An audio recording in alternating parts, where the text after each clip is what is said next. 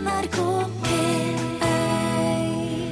Og jeg husker jeg satt opp den køyesenga, og plutselig så kjente jeg virkelig sånt Ja, en sånn enorm varme, et lys, en slags eh, veldig sånn ro. Kjærlighet. Kjærlighet. Ja, ja, faktisk. Eller sånn veldig ro. Jeg har tenkt på den følelsen mange ganger. Men jeg vet jo ikke hva det var. Om det virkelig var Gud, eller om det bare var noe som eh, jeg hadde behov for der og da. Mellom himmel og jord. Søndager klokka ni i NRK P1. Jeg heter Camilla Kjønn Tingvoll. Det er vanskelig å finne ord for hva en tror på. Det er vanskelig å finne ord for Gud. Eh, det var en som sa kan ikke du heller spørre meg om Pink Floyd? Men Egon Askvik han har likevel fått 100 mennesker fra 0 til 100 år i sin egen kirkelyd til å åpne seg om Gud, tru og tvil. Men før vi møter sognepresten, så skal vi heve blikket. For du er kanskje en av de som har vært så heldige og sett nordlyset danse over himmelen en eller annen gang. Det er godteri for øynene, men i samisk kultur så er nordlyset òg en mulighet til å hilse på sine kjære som har gått bort. Dette er utgangspunktet for en ny barnebok. Aurora borealis, nordlyset, som egentlig er et lysfenomen som oppstår når energirike partikler blir slynget fra sola mot jorda. Som oftest som et grønt slør over himmelen som glir og svinger seg rundt i mørket. Det er nesten umulig å ikke bli bergtatt av nordlyset, og i samisk kultur finnes sagnet som gir lyset en helt spesiell betydning. I dette samiske sagnet så er det da ei fortelling om at det er de døde sjelene som viser seg på himmelen under nordlyset. Og det er utgangspunktet for den nye barneboka til Beate Heide. Og nordlyset danser jo, så dermed så er det jo og er ofte veldig sterkt og veldig fargerikt. Så jeg kan jo se for meg at dette har vært en god, en god forklaringsmodell for et urfolk som lever under en sånn vinterhimmel. Så når man går ut og ser på nordlyset, så er det altså ikke bare nordlyset man ser? Nei, ifølge samisk sagn så ser du de som er gått over til døden da, og som kan vise seg for de som lever. Hva tror du det betyr for de som er igjen, at man kan se de døde som man kjenner på himmelen på den måten? Men det er jo en trøst, og jeg tenker jo at uh, døden er jo så endelig. Og det er så vanskelig for menneskene å forholde seg til døden at det å lage seg noen forklaringsmodeller der man kanskje har en mulighet til å kommunisere med de døde, er ganske viktig. I boka 'Liten Ida og nordlyset' møter vi en fem år gammel jente som har fått kreft. Hovedpersonen Ida blir ikke bare syk, det blir fort klart at hun er så dårlig at hun kommer til å dø. Og det er den kloke mormoren til Ida som trøster med nettopp nordlyset. Jeg ba Beate Heide lese litt for å forklare hvordan lysfenomenet kan presenteres for et barn som vet at livet går mot slutten. Bestemors øyne lekker tårer. Ida og hun holder hverandre i hendene. Vil du glemme meg når jeg dør? Bestemor klemmer handa hennes. Skatten min, og bestemor vil aldri glemme deg. Jeg vil huske deg når nordlyset danser over himmelen. I de vakre fargene vil jeg huske bestemor sin lille skatt, og kjenne at nordlyset varmer, slik en klem fra kinnet ditt varmer hjertet mitt. Hvorfor skrev du denne boka? Jeg skrev den i en periode da jeg holdt på med klinisk pedagogisk utdanning. Og vi drev og jobba med temaet terminalt syke barn. Og der var en del artikler som fortalte at barn tok ansvaret for foreldrene sine og ikke kunne dø for at foreldrene ikke tålte det. Så tenkte jeg at dette må jo gå an å skrive noe om. Um, og så hadde jeg jo erfaring sjøl på, på å ha mista et søsken, ikke i kreft, men i krybbedød da jeg sjøl var to år. Og eh, jeg husker jo hvor jeg husker jo stemninga i huset når hun var død, for det skjedde på lillejulaften. Og hvor stille det var den jula, og hvor lei seg hun mamma var. Eh, og jeg husker jo å gå på kirkegården i lag med mamma, men hun kunne ikke forholde seg til det. Så min lille, døde lillesøster ble en, en, stor elefant i stua som ingen snakka om. Og de, jeg ble jo voksen før jeg forsto hva det hadde betydd. eh, å miste et søsken da, som tok stor plass uten at det var noe ord for det.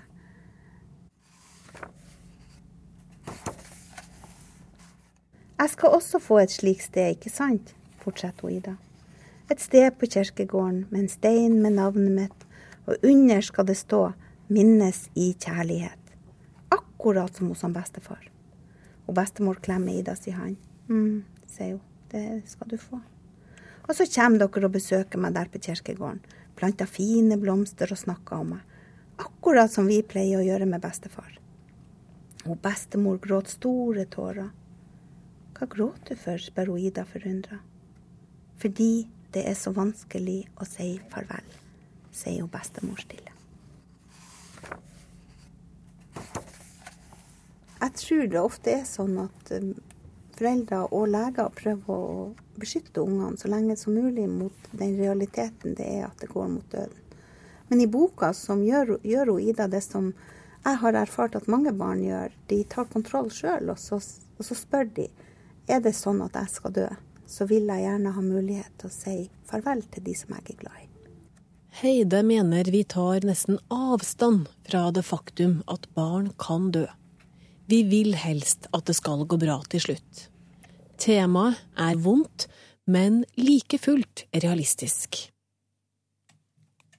Det kan man si at det er trist, men det er jo en realitet som vi ikke på en måte forholder oss til i i dagens vestlige verden. Vi vil helst at det bare skal være lykkelige endelser på alle fortellingene. Og det er jo det vi presenterer for barn. Sånn at døden blir veldig fremmed. Og er det nå én ting som er sikkert i livet, så er det at alle skal dø, og at vi ikke vet hvor lenge vi skal leve. Men vi forholder oss ikke til det, og derfor så tematiserer vi det ikke for barn heller. Så det er mye lettere å finne opp en magisk kraft som kan ordne opp i alt og gjøre at folk, en god fe som gjør at folk blir friske, enn å forholde oss til at det er noen som skal dø. Vakre forklaringer ble løsningen for Beate Heide da hun skulle skrive om jenta og døden. Nøkkelen fant hun altså i den samiske kulturen, en kultur hun selv oppdaget at hun var en del av, først i voksen alder. Og de er jo som hos mange andre familier i Nord-Norge, de er veldig skjult. Så jeg fant ikke mine samiske røtter før jeg var godt voksen, for 15 år siden. Og hva har det betydd for deg? Det var akkurat så det datt noe på plass i meg som jeg hadde visst og ikke forstått før. Så når jeg fant de røttene, så var det som den siste brikken i puslespillet kom på plass. Når du ser nordlys nå, hva tenker du da? Da tenker jeg, jeg lurer på om ikke jeg ser en flik av den røde kjolen til Ida. Det var Elisabeth Aas som hadde snakka med forfatter Beate Heide, som har skrevet boka Liten Ida og Nordlyset. Nå skal vi møte ei ung kvinne som legger ut på lange ekspedisjoner, gjerne på ski midt på vinteren, i mørket, helt alene. hun lever for disse eventyra, og hun lever nå omsider av å være eventyrer. Men hva tror hun egentlig på? Mitt navn er Tonje Blomseth. Jeg tror på å følge sin eh, indre stemme. Det er ganske tydelig hva du bør gjøre, egentlig. Altså, jeg, tror folk, for å helt ærlig er veldig sånn skal ha i pose og sekk og sliter litt med å prioritere. og Skal du følge din indre stemme, så mener jeg at man må gå for det og, og satse på det og ikke vingle, da. Ja, at du må på en måte ofre noen ting? Man må ofre noe for å, for å gjøre For å si sånn, da, for å bryte ut, så må du ofre. Eh, for å følge drømmen, uansett hva det er, så må du mest sannsynlig ofre noe. Mm. Eh, det går ikke an å starte opp et uh, nytt firma og så ha økonomisk trygghet samtidig. Altså sånn, mm. sånn sett utenfra. Det, det, man må liksom, man kan ikke få i pose og sekk. Og Hva har du måttet ofre, da? Jeg har ofra veldig mye familie og venner. Jeg har jo ofra jo alle vennene mine i Trondheim, så å si, for å satse 100 um, jeg ofra jo uh, veldig mye familietid. Jeg, det selv, jeg har jo ikke så mye tid, vet du. Siden jeg driver på med det jeg gjør. Og ja, det er jo klart at det sliter jo på meg at jeg ikke får være en storesøster for lillebroren min, men, men uh, jeg prøver nå å gjøre så godt jeg kan. For det er kanskje litt sånn at det koster veldig mye akkurat når du er i ferd med å realisere drømmen, men kanskje du kan få det litt roligere etter hvert? Ja, som jeg tenker da, er jo at eh, har jo ikke tenkt å hive meg ut på livsfarlige ekspedisjoner resten av livet mitt. Men eh, det er klart det er noen ekspedisjoner som gjennomfører som er på kanten. Og tenker at eh, når jeg har gjennomført dem, så kan jeg godt trappe ned litt. Eh, nå er jeg jo bare enda 21 år, da, så har jeg god tid. Men, eh, men ja, jeg tenker ikke å være ekstrem resten av livet. Det tror jeg også Det har jo ingen har jo ønske om å slå meg ned etter hvert, jeg, og ploppe ut noen. For jo, jeg har jo tenkt å gjøre skikkelig samkjøring om meg etter hvert her. Jeg tror folk eh, får et lykkeligere liv og gjør det de tror på, det de brenner for, for istedenfor å på en måte Ja, jeg har jo sånn teit slagord, da. Følg eh, drømmen, ikke strømmen. Og det, det mener jeg virkelig og oppriktig, da. At eh, jeg tror folk har kunnet godt av å gjøre litt mer av hva de sjøl ønsker, fremfor hva samfunnet ønsker, da. Du hører på Mellom himmel og jord i NRK P1. Ja, det er søndag, og da må man en tur på trappa til Siri. ja, Siri Spillø. Vi snakker jo om eh, det å gå inn i forskjellige mønster, og i dag er det roboten som skal Ja. plukkes i stykker. Ja, ja, ja. Du, det me den mekaniske roboten, sant? Som gjør det samme, sier det samme, tenker det samme. Dag etter dag, stund etter stund. Så er det snakk om eh, å si det som er forventa, og gjøre det som er forventa. Ja, det er det også gjerne. I forhold til deg sjøl, i hvert fall. Jeg husker jeg hadde en kar på besøk som sa Nei, du skjønner at vi fer opp til Hafjell hver helg, vi. Uansett vær. For det har vi bestemt at vi skal gjøre. Men det holder på å slite oss ut. For vi har egentlig ikke så lyst til det. Vi har kunnet tenkt oss å gjort noe annet, og så kom det fram etter hvert. Så de hadde, hadde da valgt å kjøre på robotknappen, den me- mekaniske knappen, og bare kjøre hver fredag til Hafjell. De har glemt av evalueringa. De hadde glemt av at uh, i all verden skal vi ikke uh, ferde til Hafjell når vi har lyst. Hvordan oppdager du det da?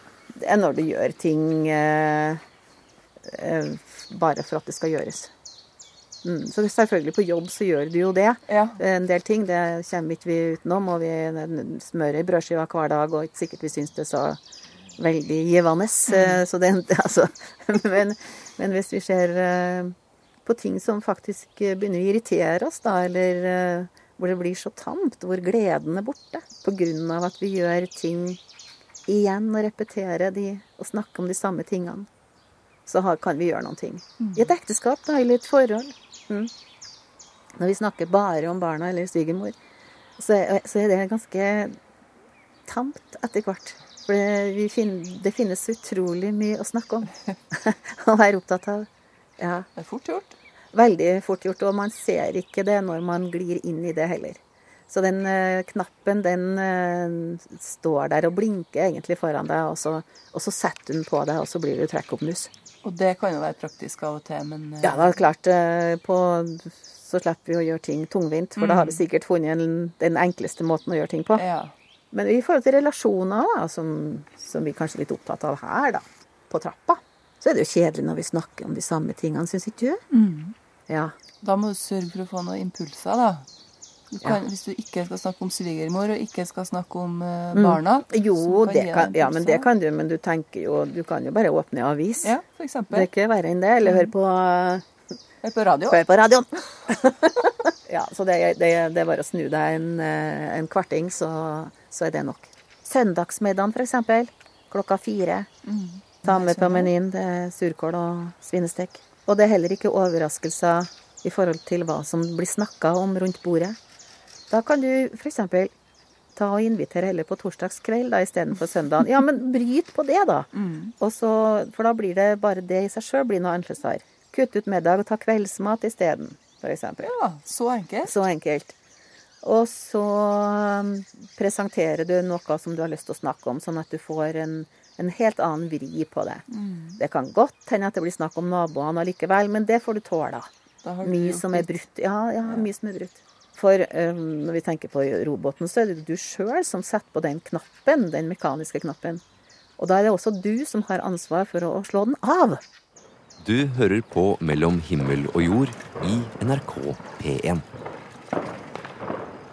Sånn høres det ut når inderne feirer Diwali, den store høytida som handler om Ja, hva handler den om, egentlig? Det å jage de mørke kreftene. Det er det det handler om. Og hva gjør man for å jage de mørke kreftene? Jo, man pøser på med lys, oljelamper, fyrverkeri, alt som kan fortrenge mørket. Fra min barndom så var det at eh, vi tente lamper eh, og plasserte dem ut på takmønet. Vi har da type funkishus, så at taket er flatt. sånn at vi kan faktisk gå på taket. Og så var det så spennende å legge dem ut eh, velproporsjonert ettersom hvor mange man hadde råd til, og ut over takmønene og eh, skape en veldig høytidsstemning. Det er jo så kjekt med lys i mørket. Det her er Sukwinder Singh Jotti. En mann med tjukt skjegg, turban og hettegenser. Han forteller at det her lyset under lysfesten, det stopper ikke ved øyet, sånn som han ser det. Det beveger seg over i det metafysiske, altså det får gode ringvirkninger i de djupere lagene av vår eksistens. Vi blir godere, rett og slett. Har du hørt om Diwali før, så tenker du kanskje på hinduismen, men denne festen den feires også av jianistene og Sikan som sukvinder. Men eh, han er ikke så opptatt av det her med å sette seg i bås, egentlig. Hvem er hindu? Hvem er sikh? Hvem er kristen? Hvem er muslim? Jeg syns det er eh, litt galt å ikke kalle meg menneske, men kalle meg sikh. For jeg er menneske først. Og så eh, har jeg lyst til å tilhøre både sikher, kristne, hinduer Ja, hva som helst. Menneskeheten. Jeg har lyst til å tilhøre menneskeheten, for eh, det at jeg er en sikh, betyr ikke at eh, jeg har noen verken enerett eller en prioritert adgang til Guds rike. Men det at Sukhvinder er sikh, det betyr at han feirer sin sjette guru, guru Hargobind, som slapp ut av fengsel på denne dagen i 1619. Og det betyr at han feirer lysets seier over mørket, som vi har hørt. Diwali er også en fredsfestival. På denne dagen så utveksler vaktene på grensa mellom India og Pakistan søtsaker. Men i fjor så var det så spent stemning at det var ingen som gidda å gi hverandre godteri. Eh, Det er jo veldig hyggelig at eh, det skjer en forbrødring. Ja. Vi får håpe at det blir noen søtsaker i år. Ja. Ja. Det ønsker vi, og vi, vi ønsker at selv om vi skulle bo i hver våre land og innenfor grenser og sånt, så er ikke grensen til andres hjerter der. Det vi må være gode på, det er å følge hjertet. Så da blir det godteri til alle. Da er det godteri til alle som har vært snille i året som har vært. ja, nei da. Nei, for eh, med godteriet, og dette er, er igjen ikke en symbolhandling for meg, så er det en dybdehandling. Med godteriet så sender du også budskapet som er i ditt hjerte. Det blir faktisk tatt opp i det godteriet. Ja, for, ja, for Det- du tenker at det, det fysiske er psykisk òg? Selvfølgelig.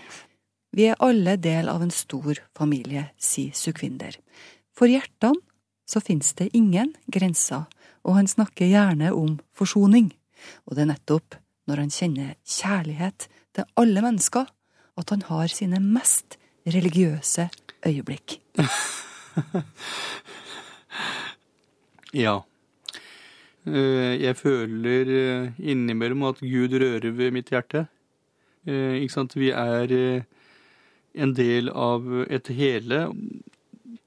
Jeg tilhører den samme familien som du tilhører. Så, så når, du, når du sier at du føler at du blir berørt av Gud, hva du sa, Mm. da er det på en måte Da føler du at du er En del av hele der. hele familien. Ja. Ja. Jeg føler eh, inni meg så, så stiger det en varme og en kjærlighet som gjør at jeg får eh, At jeg blir eh, følelsesmessig berørt. Sånn som nå? Sånn som nå. Da er det liksom lysets seier over mørket. Ja, jeg tenker at eh, da forsvinner alle disse motsetningene eh, mellom oss. Eh, vi blir eh, til barn av den en, ene skaperen, og vi har Den forståelsen gjør at det blir enklere å sameksistere. Mm. Leve sammen og dele på de, den tiden vi har sammen, og de ressursene vi har sammen. Men når du føler litt sånn antipati eller irritasjon, har du noen lure triks? Eh, ja, den eh, Fordi at jeg er jo et menneske, og jeg er skapt med godt og vondt i meg, så jeg ser at eh, jeg greier ikke å så være midt på veien fordi at jeg ikke er god nok. Sneie litt uti grøfta og til du òg? Veldig. I et øyeblikk så kan jeg tenke Å, alle kvinner er hekser. Ikke sant? Så må du koble på fornuften, da. Så må man uh, koble på og uh, fornuft og kjærlighet. Kjærlighet, ja. Ja. Mm. For uh, sammen så kan de gjøre underverker. NRK P1. Siste år som biskop i Sør-Hålogaland. Det har skjedd en del eh, med deg fra da du misjonerte i Asia på 70- og 80-tallet og fram til i dag. Og det er sånn at det har skjedd mye i samfunnet òg. På dette bispemøtet så ble det gitt eh, tilslutning til at det skal utarbeides eh, liturgier for ekteskapsinngåelse av likekjønna par. Og da lurer jeg litt på, hva ville en ung Tor B. Jørgensen ha tenkt om dette vedtaket? Hvis du med unge mener sånn tilbake i misjonærtida og generalsekretærtida som i NMS, så ville svaret ha vært at det hadde jeg ikke likt. Eh, Den gangen sto jeg for et tydelig konservativt eh, standpunkt og kritiserte med Finn og klem bispemøte, var i 95 eller noe sånt, som eh, hadde en slags velvillighetens tone i forholdet mellom de som da var i mindretall, altså de som var for homofilt samliv, og de som var imot det. Og sa at dette går ikke an, her må Kirken være klar, og det må stå på det gamle standpunktet. Så Ja. sånn, jeg, sånn tenkte jeg før. Et klart standpunkt der altså om eh, denne saka. Men så skjedde det noe som fikk deg til å tenke en gang til om eh, homofile. Hva Ja, var det som skjedde? Ja, det hadde seg sånn at en eh, god venn av meg eh, så døde eh, i sykdom. Og i forbindelse med den begravelsen så fikk jeg tilgang til eh, etterlatte papirer. Og når jeg leste gjennom dem, så åpnet det seg en ny verden, et nytt rom, som jeg faktisk ikke visste noe om. Og det var ganske sjokkerende. Både måten dette var skrevet på, og utfordringen til et vennskap som altså hadde dreid seg om eh, alle mulige sider ved livet, diskusjoner om forskjellige ting, og ikke toucha dette i det hele tatt. Og det ble en tankevekker. Hva kommer det av at vi ikke hadde turt å være åpne, eller han hadde turt å være åpen overfor meg om om sitt, eh, hva skulle hun si, livs eh, største, eh, sin livs største utfordring. Ja, for denne vennen din han hadde prøvd å bli helbreda, ikke sant? Mot Jo, det er for så vidt en del av historien, og jeg har jo møtt mange etter hvert også som har vært igjennom en slik erfaring, ikke minst i den aldersgruppen som vi her snakker om, altså på min alder og yngre. Mm. Hva gjorde det med deg når du las disse her orda på dette arket? Ja, Uten å være veldig presis på tidspunkt og sånn, så mm, åpnet det på en måte et rom som gjorde faktisk at jeg begynte å snakke litt annerledes og litt mer varsomt. Også i perioden som generalsekretær i Det Norske Misjonsselskap. Og det registrerte jeg ved at det faktisk henvendte seg, kom folk til meg og spurte snakker du annerledes nå, hva har skjedd? Og så fortalte de om egne erfaringer, enten eget fra eget liv eller fra folk de kjente eller slektninger, som slet med fordømmelsen i de kristne miljøene, som gjorde at de ikke engang turte å snakke åpent ut om de utfordringene de sto overfor. Men når skjønte du at eh, du var i ferd med å skifte mening? Ja, Det var vel en glidende prosess, og det, det, sånt skjer jo. Og en eh, tar ikke den endelige konklusjonen før en har fått reflektert nøye over det. Og det var etter at jeg kom hit til Bodø som domprost så ble jeg utfordret av eh, Åpen kirkegruppe, altså Organisasjonen for kristne homofile, eh, deres foreldregruppe, til å være med på et seminar spurte, hvor de spurte om jeg kunne si litt om hvordan jeg tenkte om dette nå. Og da sa jeg at ja, det skal jeg gjøre. Jeg vet ikke helt hva jeg kommer til å si, men jeg skal tenke på det. Og da fikk jeg god tid på meg og satte meg ned og reflekterte igjennom, og kom da fram til at nå er tida inne for å si at eh, jeg har kommet til et nytt syn i dette, og holdt et foredrag den gangen som, eh, som eh, anga dette med de resonnementene som jeg også for så vidt i hovedsak følger fortsatt. Men hva var det vanskelige med å skifte mening? Når gjorde det mest vondt? For det første var jo dette en lang prosess, så det var liksom ikke noe enkeltpunkt som ble veldig, eh, veldig sånn tydelig på en måte. Men det som jo var ubehaget og utfordringen, var jo selvfølgelig hva dette kunne komme til å føre til i forhold til folk som jeg hadde godt fellesskap med og sto nær. Og som jeg også delte hva skulle si, kirkelig fellesskap med, som jeg nå visste ville komme eh, for vanskeligheter i forholdet til meg da. Dette visste jeg veldig mye om som generalsekretær i Det Norske Misjonsselskapet òg, for vi hadde også fulgt en sånn linje at de vi ikke hadde tillit til, ville vi f.eks. ikke bruke som talere på våre arrangementer. Nå ville dette ramme meg.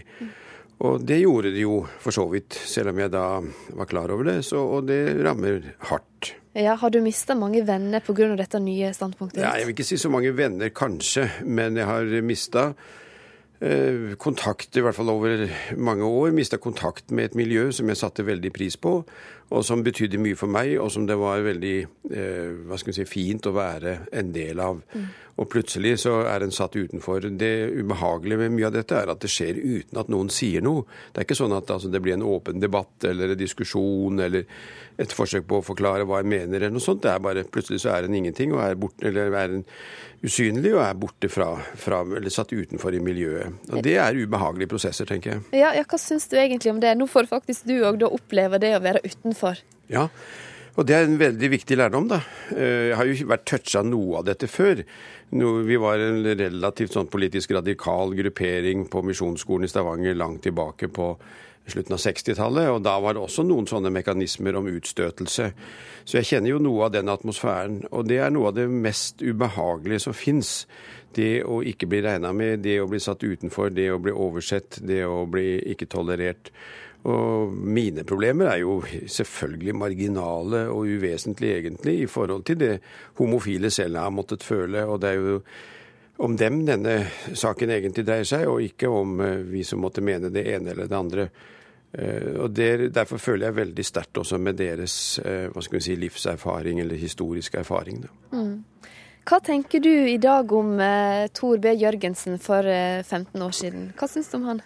Nei, altså Han prøvde jo å være ærlig. Eh, og det som på en måte mangla i min erfaringsbakgrunn her, var jo et direkte møte over tid med homofile som representerte eh, kunne tørre å stå fram med sin egen erfaring og sin egen tro, og sin egen måte å også da lese de vanskelige stedene i Bibelen på. Og det er jeg takknemlig for at jeg greide å eh, innhente, for å si det sånn. Men jeg skulle jo ønske at både jeg sjøl og kirka kunne ha vært et fristed for homofile lenge, lenge før det ble anerkjent og akseptert i samfunnet. Mm. Og det ser jeg tilbake på med med stort ubehag. Og at her ikke, har ikke kirka vært egentlig på høyden i forhold til sine etiske idealer om å lytte til eh, de som er sårbare, de som blir utsatt for undertrykkelse. Det var de som skulle stått i fokus for kirkens oppmerksomhet og viljen til å se virkeligheten med deres øyne. Mm. Hender det at du gir eh, din yngre utgave rett i sine betraktninger? Uh, Nei, ikke noe annet enn at det selvfølgelig er en viktig del av historien at eh, jeg sjøl har vært et sted som andre er i dag, og at jeg derfor har respekt for det og forståelse for det. Jeg har også forståelse for hvor vanskelig det kan være å skifte standpunkt i en del miljøer, og at det kan ta tid. Og at det kan være knytta opp imot eh, ja, ubehagelighet. Så, så, det har jeg nok fått en viss raushet og romslighet overfor gjennom den historien jeg sjøl har vært igjennom. Mm. I dag så er det avslutningsgudstjeneste for deg eh, i Sør-Hålogaland. Eh, hvordan blir dette her for deg? Siste gudstjeneste, altså. Offisielle gudstjeneste. Ja, det blir jo en stor opplevelse eh, å få være i den vakre domkirka i Bodø, Fredskatedralen, som mange kaller den nå. Det er et storslått byggverk. Det er en kirke jeg har vært knytta til nå gjennom 16 år. Og det er fylt av musikk, fylt av lovsang og fylt av glede og takknemlighet for det jeg har fått være med på. Kanskje også litt vemod i den forstand at nå er en fase av livet forbi. Men eh, jeg ser jo nesten på dette som bare en overgang til også å kunne fortsette å engasjere meg i spørsmål som jeg mener er viktige. Og vi flytter ifra byen, da, og det ser jeg nesten på som en fordel, selv om jeg kommer til å savne Bodø dypt og Nordland veldig mye så er det godt å kunne være et annet sted, sånn at en liksom ikke blander spora sine med den som skal, og de som skal overta, men få være litt med et friere rom da når vi flytter tilbake til Østlandet, hvor både min kone og jeg kommer ifra. Tusen takk skal du ha for at du kom eh, hit til oss i Mellom himmel og jord og delte din eh, historie med oss, eh, Tor Berger Jørgensen. NRK Han var en mild, stor, rolig, varm hund, og det ble veldig nært. Hunden min lærte meg å kunne elske et eh, annet menneske. Det sier Øyvind Bremnes i dag. Jeg sov for eksempel med Tango. Sov? sov i senga. Og jeg tror at sånn jeg husker det, så var det jeg som maste på han om å komme og legge seg. Altså, jeg kjente at her er det en, en nærhet som er ufarlig. Altså liten risiko, fordi den er helt rolig. Og, jeg kjente jo at det for meg føltes det sunt og riktig. Og, og, her er en video der vi går på ski, eller vi. Jeg går på ski, han. Øyvind han eh, tar fram den eh, bærbare PC-en sin og viser meg en eh, videofilm av seg sjøl og hunden Tango. De er på skitur i Østmarka utenfor Oslo. Tango er en svart, langstrakt blandingshund med spisse ører, og han følger nøye med. Så merka jeg at det å knytte seg så mye til en hund, lærte meg jo at jeg hadde lyst til å oppleve det med mennesket. Så det var gjennom uh, samværet med hunden din Tango at uh, du fikk troa på å kunne leve godt sammen med en kvinne? Faktisk. At det kom tilbake. At det kanskje hadde fått seg noen trøkker og blitt litt dempa, den troen underveis. Men helt klart at det ble en inspirasjon. Så jeg, så jeg mener at jeg lærte masse av tango. Ja, og nå har du jo møtt ei bra dame. Nå har jeg møtt en bra dame. Så Anna kom inn i mitt liv et år før tango forsvant, og har vært uh, uvurderlig for meg. God morgen, og vel møtt til denne høgtidsstunda ved høgalteret i domkirka. Der vi har fått ta imot denne fisken som er gitt som ei gave til Bymisjonen fra Nordland fylkeskommune. Den kommer fra Røst, og i dag har den blitt båret inn til høgalteret her i Nidarosdomen for at den skal velsignes, og vi skal tro at den kan bli virkelig til velsigning for mange. Vi hører domprosten i Nidaros, som snart skal velsigne et lite lass med tørrfisk. Det her foregår hvert år på denne tida, sist nå på onsdag. Men hva skjer egentlig når noe blir velsigna? Ta denne tørrfisken da, som eksempel. Jeg har to biter i hånda mi. Den ene er velsigna, den andre ikke. Er det forskjell på smaken? Jeg kan jo teste på en kollega. Skal jeg teste det nå? Ja. Ja, Denne var jo god. Ja, den andre, da? Den siste var sterkere enn den første. Var Ja. ja. Jeg lurer jo på hva domprosten gjorde, egentlig, da hun velsigna fisken. Jeg avtalte å møte Ragnhild for å høre hva hun tenker om det her. Kjenner hun en kraft som går gjennom hun og inn i torsken? Og hva skjer med den, i så fall, der og da? Hei, hei. Kommer du på krykke? Ja. Ragnhild Jepsen kommer i rask driv med krykke. Hun trekker opp nøkkelen fra den mørkeblå kåpa si og åpner døra. Der sitter Petra og øver på orgelet. Vi går inn i en litt stillere del av kirka, og jeg spør domprosten hva var det egentlig som skjedde på onsdagsmorgen. Altså, Hvert år så får Egentlig så tror jeg det er domkirka som får tørrfisk fra Nordland fylkeskommune.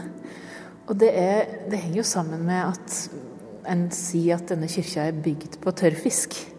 Og det er jo i overført betydning. Men, men en sier at Bergen ble bygd, byen ble bygd på, og Nidarosdomen ble bygd på tørrfisk. Og det er jo inntektene av, av fisken en mener da. Fordi en vet at erkebiskopen her hadde store inntekter av fiske eh, i middelalderen. Og, og det var grunnlaget for den rikdommen som gjorde at en kunne bygge denne kyrkja. Så har de da tatt opp denne tradisjonen i nyere tid. Den velsigna fisken går til Kirkens Bymisjon, og så blir det lutefisklag før jul. Men nå kan vi spørre Ragnhild, hva er det hun gjør når eh, hun velsigner fisken? Jeg gjør jo det som en gjør med andre ting som blir båret inn i Guds hus, eller blir, blir løfta fram ved alteret. At en, en ber ei bønn om velsigning, om at det skal bli til gavn. Om det er for mennesket, eller om det er for kirkelyen, eller hvem det er for. Så tenker jeg at det er det vi gjør. Vi løfter fram denne gaven. eh, Og, og løfter den inn i bønn, og ber om at den skal bli til gavn for arbeidet i Guds rike. Skjer det noe med fisken? Ja, den, blir, den blir ikke lut der og da, for å si det sånn. um, nei, det veit vi jo ikke. Og, og en ser vel ikke resultatet av ei velsigning med en gang. Ei velsigning er jo noe en tror på, noe som, som blir gitt deg, noe som følger med. Mm. Uh, men det er jo et oppriktig ønske om at, om at det skal bli noe godt ut av dette som er velsigna. Ja. Og for Bymisjonen sin del så er det jo at arbeidet skal opprettholdes, at flere skal se viktigheten i arbeidet, og at det skal komme mange mennesker til gagn. Mm. Eh, Er det noe du ikke kunne ha velsigna? Hmm. Jeg tenker at, at, det å be om velsigning er jo en, en um, handling der du tenker at ting nettopp skal bli til gavn. Du ber ikke om velsigning over noe som ikke skal være til gavn. Det er Guds velsigning som skal følge med denne eller dette som du ber om velsigning for. Vi takker og ber for tørrfisken som vi har båret frem for deg. La den bli til velsignelse for mange. Takk for alle som gir av sitt eget for å bygge Guds rike. Ragnhild står ved høyalteret i den svære kirka i beige prestekjole med et stort kors på brystet og velsigne fisken. Det er vakkert, og det er godt. Jeg tenker at det er en overgivelse til noe større eller noe ordløst som vi ikke helt kan fatte med, med fornuften vår, men, men som vi i vårt håp og i vår tru legger over til noe som er større enn oss sjøl. Føler du noe sjøl når du velsigner? Um, jeg syns alltid det er veldig flott å kunne lyse velsignelsen. Um, og jeg føler som prest så føler jeg at jeg gjør det på, på vegne av noe som er større enn meg sjøl. Fordi at når jeg lyser velsignelsen, så er det jo Det er jo også Guds velsignelse som blir lyst gjennom meg. Uh, men vi har jo også det, den muligheten uh, iblant oss at vi kan si Gud velsigne oss. Og så er det noe som gjør veldig inntrykk, og det er når andre sier til meg Gud velsigne det. Når det er et ønske fra noen andre til meg. Det syns jeg alltid gjør veldig inntrykk. Hva skjer da? Nei, da, da kjenner jeg jo på dette ordløse at, at, noen ønsker meg på en spesiell måte. Et gudsnærvær, at, at Gud er med meg, at, at, det må være noe godt i det jeg gjør, eller et godt ønske for meg. Og det gjør inntrykk, og det bærer med meg. Og det er vel det som jeg ønsker også med, vi lyser i, i, gudstjenesten, eller i radioandakten, eller hvor det måtte være. At det er noe som folk kjenner at de kan bære med seg og leve i. Mm.